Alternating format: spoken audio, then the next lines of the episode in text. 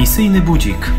Inicjatywy papieskich dzieł misyjnych. Spotkania z ewangelizatorami. Troska, aby wszyscy poznali Chrystusa. Słuchaj, weź udział, wspieraj misjonarzy. Mamy szczególnego gościa dzisiaj, którego przedstawi ksiądz dyrektor Maciej Będziński. Z nami dzisiaj ojciec profesor Aniue, jest e, sekretarzem generalnym Papieskiej Unii Misyjnej. Na co dzień pracuje w Rzymie e, w dykasterii do spraw ewangelizacji na Piazza di Spagna. Ojciec zajmuje się też e, Międzynarodowym Centrum Animacji Misyjnej. Przynależy do zakonu Franciszkanów Konwentualnych. Więcej może jeszcze będzie mógł powiedzieć sam o sobie, dlaczego będziemy mogli z nim rozmawiać po polsku, mimo tego, że pochodzi z Wietnamu. No właśnie, skąd ten polski tak dobrze znany? Może od tego zacznijmy. Byłem w Polsce 5 lat. Ja jestem franciszkaninem e, z Wietnamu, ale właśnie wstąpiłem do zakonu w Rosji, ponieważ ja studiowałem w Rosji i tam właśnie poznałem franciszkanów misjonarzy z prowincji warszawskiej, właśnie z Polski. I dlatego po wstąpieniu do zakonu oni mnie wysłali do um, Warszawy, do Polski na e, postulat i nowicjat i później trzy lata w seminarium. I wciąż należę do prowincji warszawskiej Franciszkanów. Cieszę się z tego. I pewnie z tego, że ojciec może tutaj znów wrócić przy okazji e, sesji misjologicznej i czuwania tak. misyjnego. Tak jest, tak jest. Rok temu ksiądz Maciej Będziński, dyrektor krajowy papieskich dzieł misyjnych, i zaprosił mnie już na tę sekcję i na to czuwanie. I ja z miłą chęcią właśnie wziąłem ten zaproszenie. zaproszenie, zaproszenie z miłą chęcią. Po pięciu latach, ponieważ ostatni raz jak byłem w Polsce, to przed COVID-em, ta obecna wizyta właśnie budzi mnie tyle emocji, że wracam tutaj jako do swojej młodości, do swojego do domu, źródła, do, do, do źródła, do źródła, do, do domu, tak. Tyle wspomnień, czy w postulacie, czy na nowicjacie, w Smarcewicach, czy w seminarium. Tyle wspomnienia. Dzisiaj właśnie, kiedy widzimy tam śnieg, to pamiętam Boże Narodzenie pod śniegiem w Polsce lat temu i kolendy polskie, takie piękne kolendy polskie. Ojcze, a chciałam zapytać jeszcze o Ojca Ojczyznę o Wietnam, ponieważ akurat w tych dniach obchodzimy wspomnienie liturgiczne męczenników z Wietnamu, 117. I chciałam zapytać o Kościół w Wietnamie. Wiem, że ojciec jest biblistą, także zajmuje się właśnie tym badaniem, porównywaniem mądrości biblijnej i e, mądrości e, wietnamskiej, tak, ludowej. Jak się to rozpoczęło, ta historia Kościoła w Wietnamie i co teraz przeżywają katolicy chrześcijanie właśnie w Ojca Ojczyźnie? Kościół Wietnam się rodził właśnie z misji Kościoła Powszechnego. To dzięki działalności ofiarnych misjonarzy z Francji, tak? Z Francji, mhm, z Francji. Hiszpanii, Por Portugal, Portugalii. Portugalii. Portugalii. W przeszłości to były różne prześladowania, tak ale też dzięki tym, tym prześladowaniu to właśnie mieliśmy świętych e, męczenników, których właśnie pamiętamy, pamiętamy dzisiaj w liturgii Kościoła Powszechnego.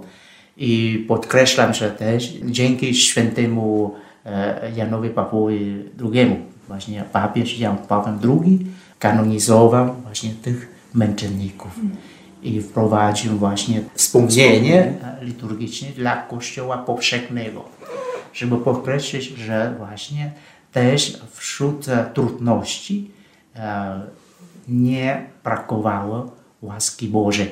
I łaska Boża właśnie kontynuuje e, nas towarzyszyć też w e, obecnych czasach, kiedy właśnie już sytuacja jest coraz lepiej, lepiej. Kościół cieszy się coraz większą swobodną działalnością i tak dalej.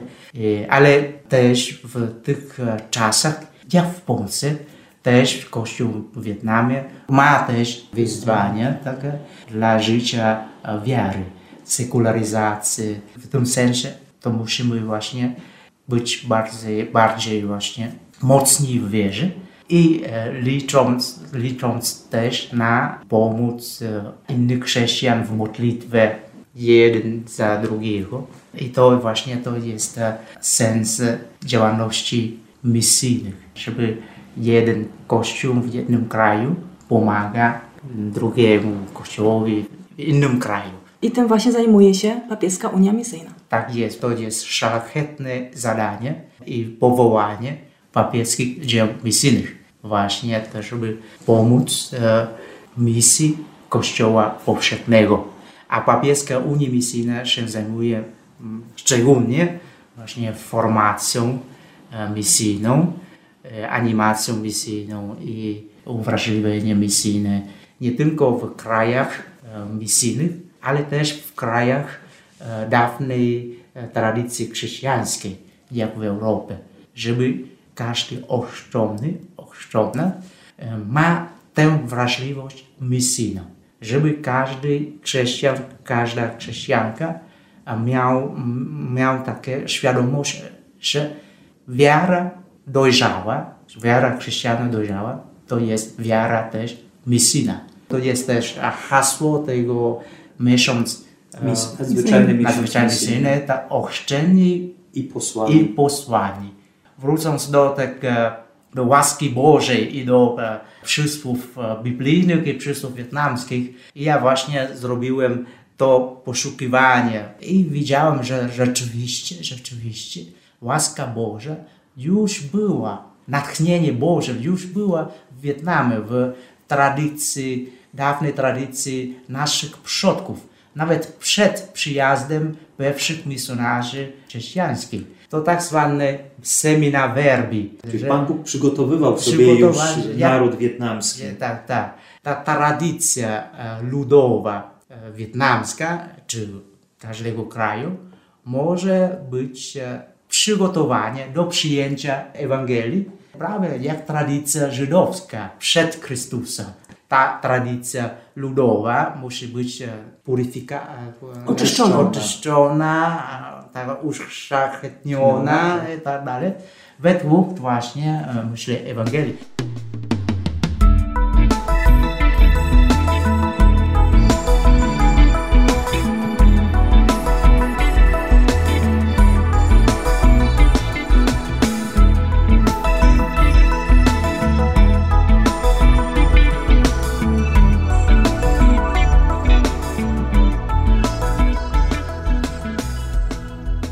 Zaczęliśmy mówić o tej laicyzacji, która dotyka cały świat.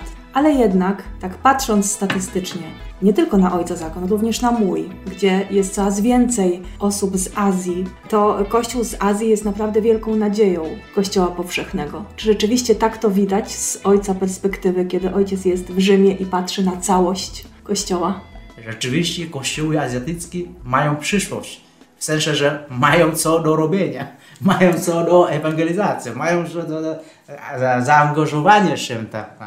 Ale przyszłość, i to chciałbym podkreślić, przyszłość kościołów azjatyckich zależy od przyszłości kościołów europejskich i amerykańskich i afrykańskich, ponieważ jesteśmy właśnie w jednej rodzinie, jesteśmy łącz- włączeni w jednym duchu i my jakoś mistycznie jesteśmy zależni jeden od drugiego. A więc takie ból i e, Radość? radości kościołów azjatyckich, to będą też bóle radości kościołów europejskich. I odwrotnie, i odwrotnie. Zwycięstwo i e, porażka wiary w kościołach europejskich też wpływa, wpływają na zwycięstwo wiary, triumf wiary albo porażkę wiary w kościołach azjatyckich. Mówimy o mistycznym ciele Chrystusa, jesteśmy jednym. Ojciec przyjechał umocnić tę część w Polsce. O czym ojciec będzie mówił na sesji A, misjologicznej? ja właśnie e, myślę, że muszę zacząć od e, spowiadam się Bogu Wszechmogącego i nie jestem taki mocny, żeby u was umocnić. Przeciwnie, jestem słaby w wierze i właśnie uczę się od was. Umocniajcie mnie, takie, wasze wiarę, właśnie mnie umacnia w mojej wierze. I to właśnie trzeba przyznać. I bardzo cieszę się, że mimo wszystko, mimo wszystko, wiara w Polsce się trzyma. Jeszcze Polska nie zginęła.